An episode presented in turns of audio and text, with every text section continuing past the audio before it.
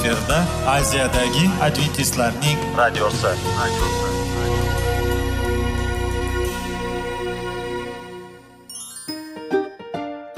Assalomu alaykum aziz radio tinglovchilar. Sog'liq daqiqasi rubrikasiga xush kelibsiz.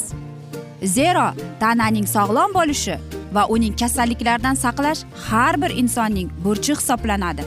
Inson uchun bebaho boylik bu sog'liq salomatlikdir. Uni asrash esa har birimizga omonat qilib berilgan. Shuning uchun ham inson o'z sog'lig'ini ehtiyot qilishi voajib amallardan hisoblanadi. Dono xalqimiz sog'liq tuman boylik deb bejiz aytmagan. Aql idroq sohibi bo'lgan inson o'z hayotini qadrlashi lozim bo'ladi. Hozirgi kunda qanchalik dori darmonlar ko'paymasin tibbiy muassa sifati shifokorlar vasiyasi tibbiy texnika yaxshilanmasin. Agar insonning o'z salomatligi haqida qayg'urmasa kutilgan natijaga erishib bo'lmaydi va biz sizlarga bizning dasturimizga xush kelibsiz deymiz.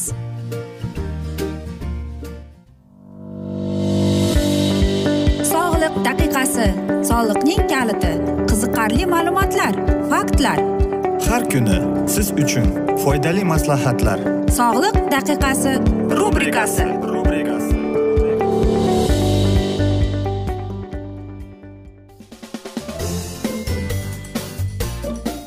assalomu alaykum aziz radio tinglovchilar. Dasturimizga xush kelibsiz va biz sizlar bilan tana va sog'liq degan dasturda xushvaqt bo'ling deb aytamiz. Va bugungi bizning dasturimizning mavzusi jo'xori suti va uning foydasi tomonlari. Albatta biz jo'xori deganimizda o'ylab qolamiz jo'xoridan ham sut chiqadimi deb. Albatta. Ammo lekin qarangki mana shu jo'xorining foydali tomonlarini va nega u shunchalik yevropada mashhurligini qarangki mana shu mana jo'xorining suti yevropadan kelib chiqqan kolumbga minnatdor bo'lishimiz kerak ekan va ispaniyada bu eng mashhur sut hisoblanadi. Chunki undagi bor e, vitaminlar undagi bor aminokislotalar qanchalik foydaliligini qarang. Mana shu jo'xori undagi ko'p e, disaxaridlar bor ekan yog'li kislotalar suv ko'p kraxmal bor ekan. Undagi vitamin b to'qqizdagi ko'p e vitamini yana b bir b ikki b besh sianin xolin eng ko'p va qarang bu yulduz hisoblanar ekanki unda temir moddasi borligidan yana undagi ko'p minerallar qanday vitaminlar bor sink bor marganets bor kaliy fosfor c med bor ekan magniy tor bor ekan kalsiy natriy yod kobalt ham bor ekan qarang qanchalik ko'p foydali vitaminlar bor qanchalik ko'p mana shunday bizga bo'l kerakli mahsulot bor. Shuning uchun ham olimlarning tadqiqot o'tkazishganda kim parhezga o'tirgan va mana shunda ularning kunida jo'xorining sutini iste'mol qilganlar e, judayam ovqatni hazm qilishi tez va ularning o'zini his qilishlari judayam yaxshi e, va albatta ular tetik his qilishgan ekan o'zini. Shuning uchun ham qarang. Undagi bor e, beloklar yog'lar uglevodlarchi qanchalik unda foydali? Albatta siz e, aytasizki qanday qilib biz buni iste'mol qilishimiz mumkin deb bu albatta juda kerakli narsa lekin nega biz uni iste'mol qilishimiz kerak? Don mahsulotlari judayam foydali mahsulot hisoblanadi. Bu har doim parhezshunoslar tomonidan tavsiya etilgan. Lekin odatda uni faqatgina pyuresini aytadi. Bu so'nggi yillarda biz e, jo'xori suti kabi ajoyib mahsulot haqida gapirib keldik. Keling bu haqda va undan qanday foydalanishning uning ijobiy va salbiy tomonlarida haqida gapirdik. Jo'xori suti u foyda va zararli tomonlari. Albatta agar sut so'lidan tayyorlangan bo'lsa sigirdan olinmasa mahsulotning xususiyatlari butunlay boshqacha bo'ladi. Aslida sigir sutida laktoza va kazein mavjud. Ma'lumki ko'pchilik bu tarkibiy qismlar bilan bog'liq muammolar mavjud. Laktoza inotoleratsiyasi tufayli sigir sutidan foydalana olmaydigan odamni uchratish odatiy hol emas. Ya'ni inson shunday insonlar borki ular laktozani umuman e, tanasi qabul qilmaydi. Shuning uchun ular sutli mahsulotlardan umuman e, foydalanishmaydi ham. E, jo'xori suti bekor qilinmagani yaxshi. Jo'xori sutning foydasi albatta shubhasizdir. Unda sigir sutida mavjud bo'lgan oksidlar uglevodlar kalsiy temir va hattoki b vitaminlari ham asab tizimi uchun judayam muhimdir. E, bu shuni anglatadiki agar siz tanangiz umuman aytaylik hayvon sut mahsulotlari va laktoza bilan ortiqcha yuklashni istamasangiz jo'xori suti siz uchun tanlov bo'ladi. Agar siz muntazam ravishda jo'xori sutini ichsangiz tanangizga nima bo'ladi? Qarang birinchi o'rinda metabolizm normallashtiradi tana tonusi ham oshadi ancha unumli ishlay olasiz konsentratsiya va xotira yaxshilanadi ya'ni ishlash juda oson bo'ladi. Yurak qon tomir tizimi o'z navbatida shuningdek iloji boricha lekin har bir joyda sog'lom yurak holda ishlaydi. Ichak e, jigar va o't pufagi ham oziq ovqat va umuman normal hayot yuqori sifatli hazm qilish uchun zarur bo'lgan eng yuqori darajada ishlaydi. Jo'xori suti suti bu diaretiklarga ta'sirga ega bo'lgani uchun organizmdan toksinlarni osonlik bilan olib tashlashga yordam berib keladi. Qarangki qanchalik foydali buning tomonlari bor. Qondagi shakar darajasini e, normallashtiradi. Har ikkala tubdagi diabetga chalingan e, va shifokorlar va tahlil ma'lumotlariga ko'ra diabet xavfi bo'lishi mumkin bo'lgan odamlar uchun bu zarur bo'lgan sut hisoblanadi. Lekin mana shunday jo'xori sut deb e, yeb zarar kelsak biz u umuman don allergik bo'lmasa bo'lishi mumkin emas. Aslida e, bu juda foydali mahsulot. Oshqozon devorlarini o'rab shilliq qavatning ishiga yordam berib har qanday mahsulotni hazm qilish imkonini beradi. Bu butun tanadagi yukni kamaytiradi va mahsulot tarkibidagi vitaminlar jo'xori sutining afzalliklarini to'ldirib keladi. E, va u amalda uning zararini nolga ham kamaytirib keladi. Jo'xori sutini qanday tayyorlash uchun juda ko'p retseptlar mavjud. Siz har qanday mazali qo'shishingiz mumkin va hattoki vanilin ekstratini ham. Va siz haqiqiy sut sharbatini olasiz yoki dengiz tuzi ham qo'shiladi sutni yod bilan to'ldirish uchun. Lekin eng klassik retsept bo'yicha jo'xori sutini har qanday qanday qilish haqida o'ylab ko'raylik va siz allaqachon uning o'zgarishini bilan shug'ullanishingiz ham mumkin. Shunday qilib jo'xori suti qilish uchun do'konda tayyor mahsulotni sotib olish uchun sizga jo'xori va suv kerak. Bir yarim litr suyuqlik uchun bir aytaylik bir yuz oltmish gramm miqdorda. Yigirma daqiqa davomida jo'xorini uvitish va suv harorati xona haroratida bo'lishi kerak. Aziz do'stlar mana shunday asnoda biz afsuski bugungi dasturimizni yakunlab qolamiz va men o'ylaymanki sizlarga judayam foydali bo'ldi deb. Chunki bizning dasturimizga vaqt birozgina chetlatilgani sababli. Ammo lekin sizlarda savollar tug'ilgan bo'lsa biz sizlarni salomat klub internet saytimizga taklif qilib qolamiz va umid qilamizki siz bizni tark etmaysiz deb. Chunki oldinda bundanda qiziq va foydali dasturlar kutib kelmoqda. Va albatta biz sizlarga va yaqinlaringizga sog'lik salomatlik tilab o'zingizni va yaqinlaringizni ehtiyot qiling deb xayr sog' qoling deb xayrlashib qolamiz.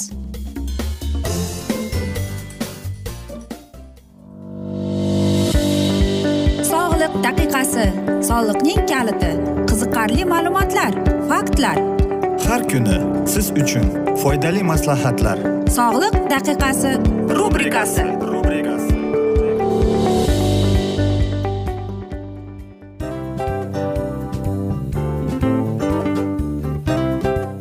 mana ha hayotda hamma narsaning yaxshi narsalar tugaydi va yakunlaydi degandek bizning dasturimizga ham yakun keldi.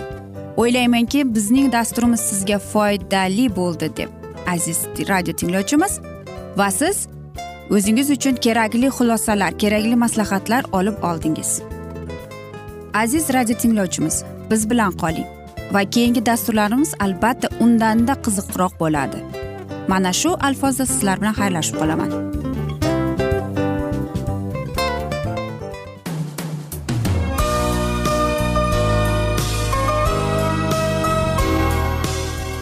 Efirda aziyadagi adventistlarning radiosi.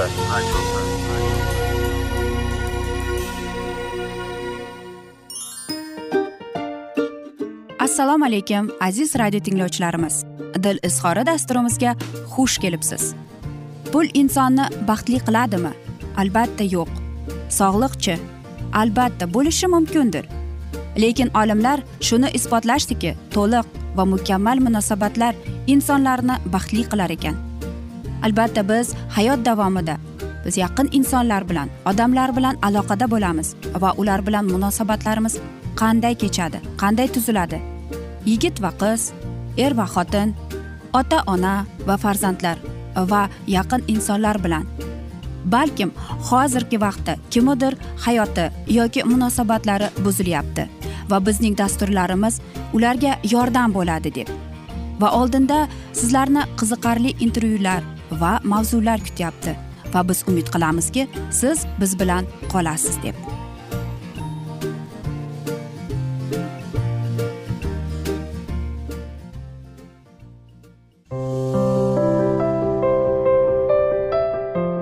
Kuni har xil kasbdagi odamlar bilan sirlashish va bo'lishish sevgi rashq munosabat bularni hammasi dil izhori rubrikasida.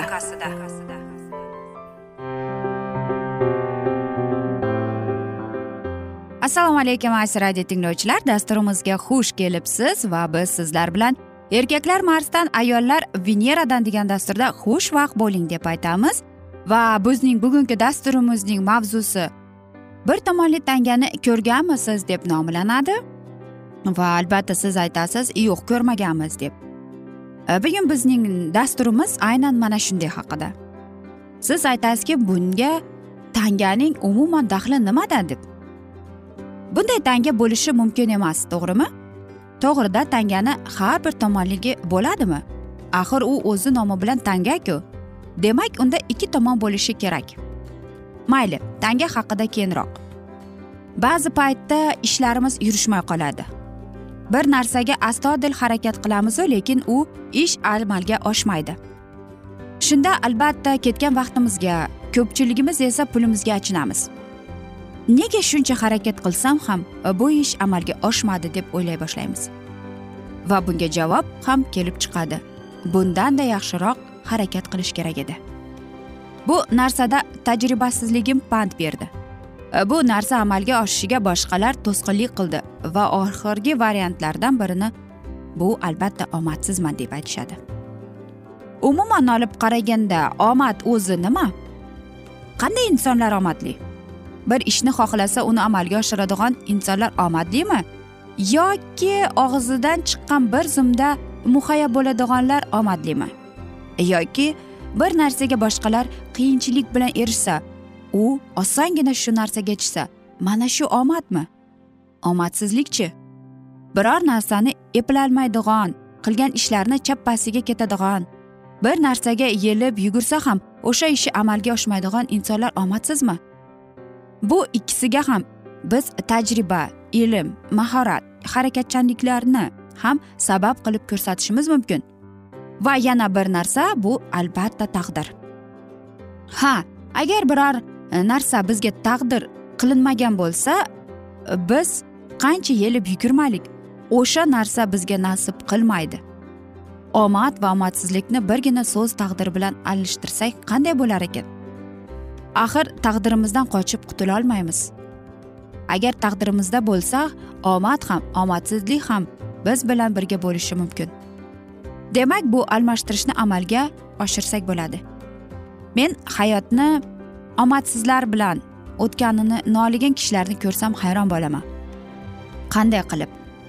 Butun umri davomida faqat va faqat mashaqqatlar ko'rib nafas rostlashga ham ulgurmay bu hayotni omadsizliklar bilan o'tkazib yuborish mumkin.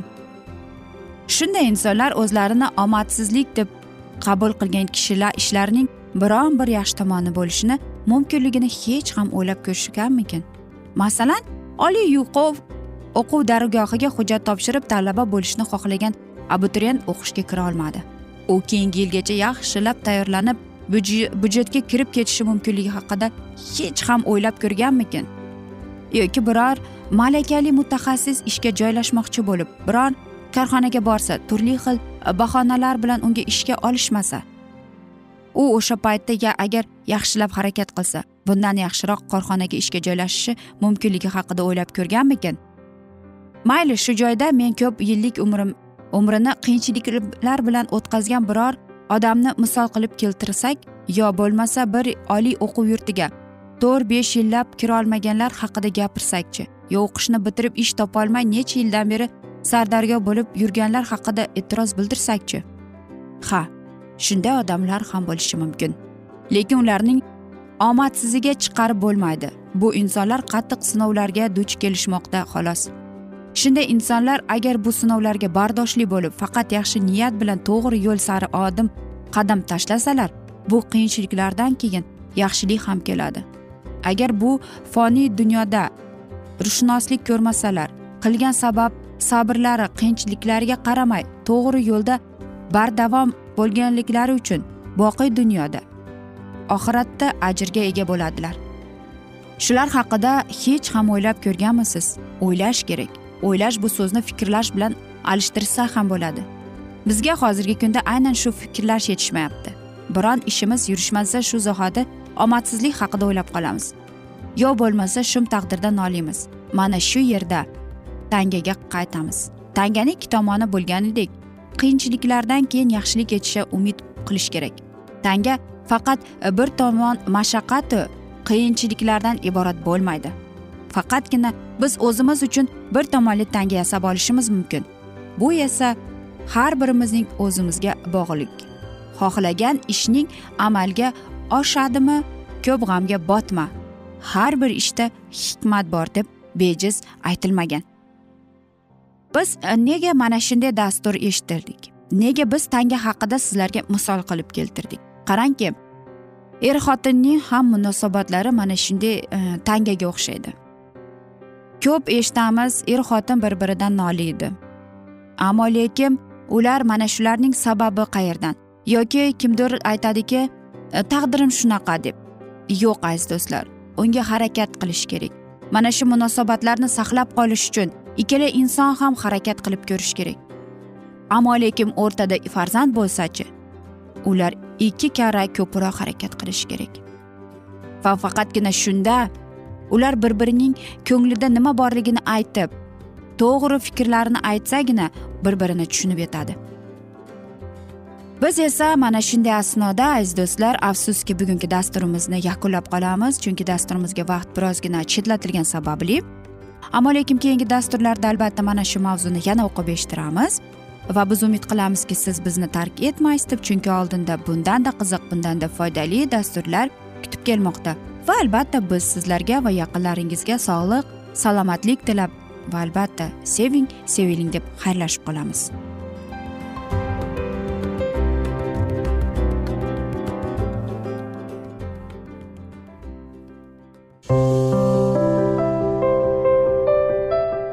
Har kuni har xil kasbdagi odamlar bilan sirlashish va bo'lishish sevgi rashq munosabat bularni hammasi dil izhori rubrikasida. Mana aziz radio tinglovchimiz bizning go'zal va foydali va chiroyli dasturimiz yakunlanib bormoqda. Sizlarga birozgina maslahat berib o'tmoqchi edik. Bir biringizni seving. Qadringizga yeting. Va erkalang albatta bir biringizni va sizga judayam chiroyli va mustahkam munosabatlar tilab qolamiz albatta. Sevgilingiz doimo yoningizda bo'lsin. Mana shu borada sizlar bilan xayrlashib qolamiz. Xayr.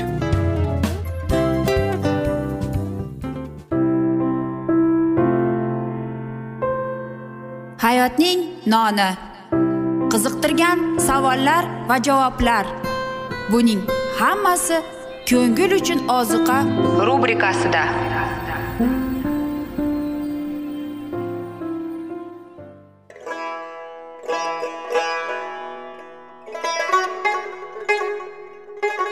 Assalomu alaykum aziz radio tinglovchilarimiz. Ko'ngil uchun oziqa rubrikasida xush kelibsiz deymiz. Siz haqiqatni izlayapsizmi? Olamnimi? Umidnimi? Siz kimga murojaat qilmoqchisiz? Odamlar ko'pincha siyosat kuchiga tayanadilar. Dunyo iqtisodiyoti holati tobora chuqurlashib bormoqda. Tabiiy ofatlar va texnogen halokatlar minglab insonlarning hayotini olib ketib juda katta zarar yetkazmoqda. Sizga abadiy hayot inomini hadya qiluvchi va hayotingizni tubdan o'zgartiruvchi haqiqatni izlab toping. Xudo haqidagi haqiqat uning kalomida mujassamlashgan. Kimki bu haqiqatni butun qalbi bilan izlasa albatta unga yetishadi. Bu sevgi xudoning tarixidir. Hayotingizda yoki sizning yon atrofingizdagi olamda nimalar yuz berishidan qat'iy nazar? Siz ertagi kunga buyuk umid va ishonch hosil qilishingiz mumkin.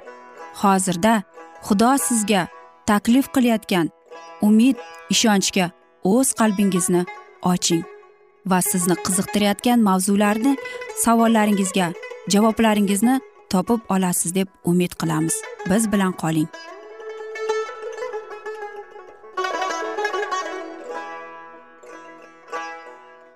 Assalomu alaykum aziz radio tinglovchilar. Dasturimizga xush kelibsiz va biz sizlar bilan ulug' kurash degan kitobni o'qib eshittirishni boshlagan edik.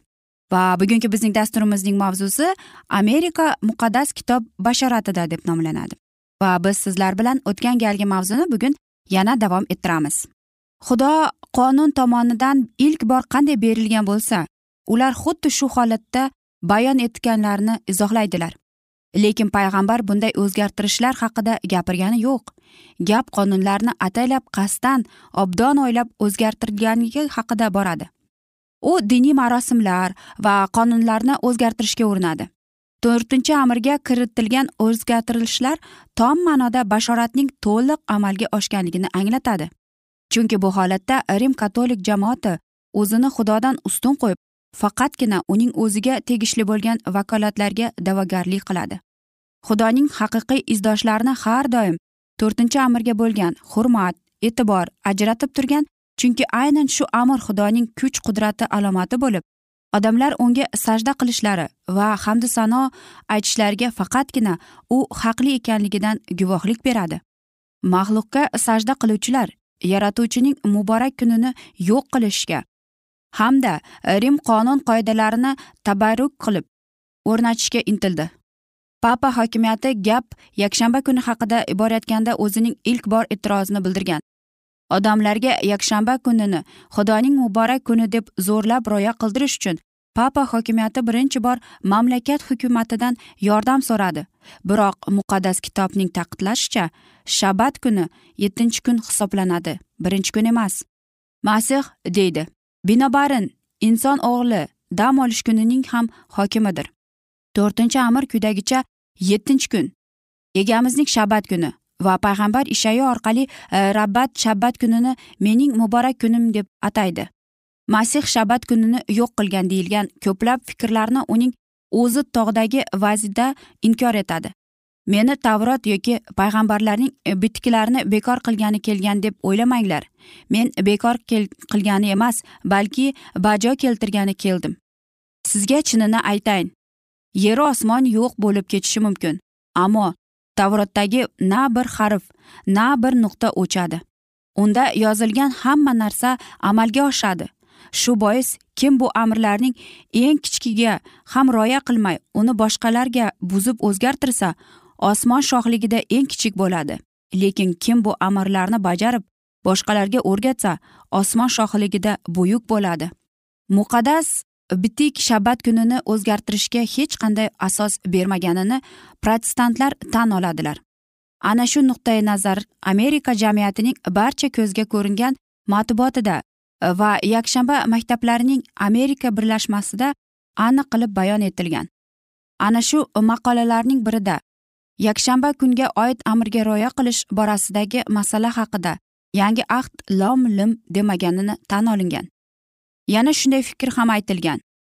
Masih vafot etgunga qadar bu kun o'zgarishsiz qolgan.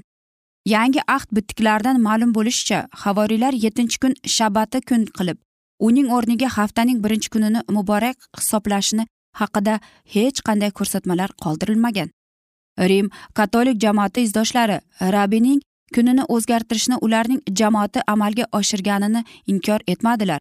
Ammo bu bilan birga protestantlar yakshanbaga rioya qilib ularning hokimiyatini tan olganliklarini ta'kidladilar katolik masihiy katezisi diniy aqidalarning savol javob tarzidagi qisqacha bayonida quyidagicha savolga to'rtinchi amirga ko'ra biz qaysi kunga rioya qilishimiz kerak?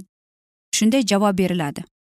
Qadimgi ahd davrida shanba muqaddas qilingan kun bo'lgan ammo iso masih ustozlik qilgan va xudoning ruhi boshqargan jamoat shanba kunini yakshanba kuniga almashtirdi. Shunday qilib endi biz yettinchi kunni emas balki haftaning birinchi kuniga rioya qilamiz. Yakshanba kuni endilikda rabbiyning kuni ekanligini anglatadi. Papa hokimiyati a'zolari katolik jamoatining ramzi sifatida protestantlar rozi bo'lgan shanba kunining yakshanbaga o'zgartirish hodisasini tan oladilar. Chunki yakshanbaga rioya qilgan holda jamoat bayramlarini belgilash va ularga rioya qildirish huquqiga ega hisobladilar. Agar rim jamoatining nufuzi maxluq tasviridan bexabar bo'lsa unda shanbaning o'zgartirilishi nimani anglatishi mumkin? Rim jamoati o'zining oliy hokimiyatiga ega bo'lishga da'vogar ekanligidan voz kechmadi. Butun dunyo va protestant jamoatlar muqaddas kitobdagi shabbat kuniga o'rniga rim jamoati o'rnatgan shabbat kunini qabul qilganliklar tufayli aslida mana shu da'vatgarlikni tan oldilar. Yuz bergan o'zgarishlarni jamoat otalari va rivoyatlarning nufusi bilan oqlash mumkin. Ammo o'zgarishlarni qabul qilgan protestantlar ularni rim bilan ajratib turgan. Eng asosiy qoidadan ya'ni muqaddas kitob va faqatgina muqaddas kitob protestantlar e'tiqodi degan nuqtai nazardan voz kechdilar. Protestantlar shah shubhasiz ayon bo'lgan dalillardan ko'z yumib o'zlarini o'zlari aldayotganliklarini papa hokimiyati a'zolari shunday tushundilar. Yakshanba kunini bayram sifatida nishonlash kundan kunga kuchli harakatlar bilan amalga oshayotganini ko'rib ular quvondilar. Chunki oxir oqibatda butun protestant bu rim dunyo bayrog'i ostida albatta birlashishga ularning ishonchlari komil edi. Aziz do'stlar mana shunday asnoda biz afsuski bugungi dasturimizni yakunlab qolamiz chunki bizning dasturimizga vaqt birozgina chetlatilgani sababli. Lekin sizlarda savollar tug'ilgan bo'lsa biz sizlarni adventis tochka ru internet saytimizga taklif qilib qolamiz.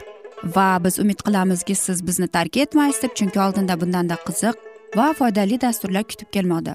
Va albatta biz sizlarga va yaqinlaringizga tinchlik totuvlik tilab o'zingizni ehtiyot qiling deb xayrlashib qolamiz.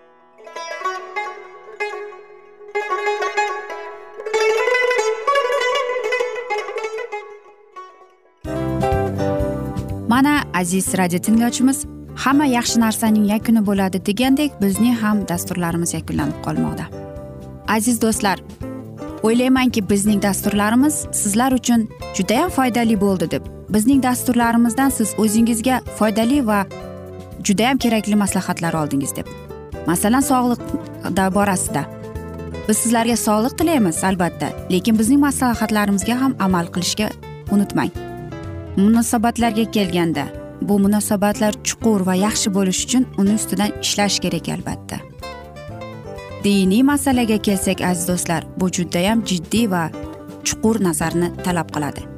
Ammo biz sizlar bilan xayrlashib qolmaymiz keyingi dasturlarda eshittirishimizni davom ettiramiz va sizlar bilan mana shu yaxshi kayfiyatda xayrlashib qolamiz. Va keyingi dasturlarda ko'rishguncha xayr!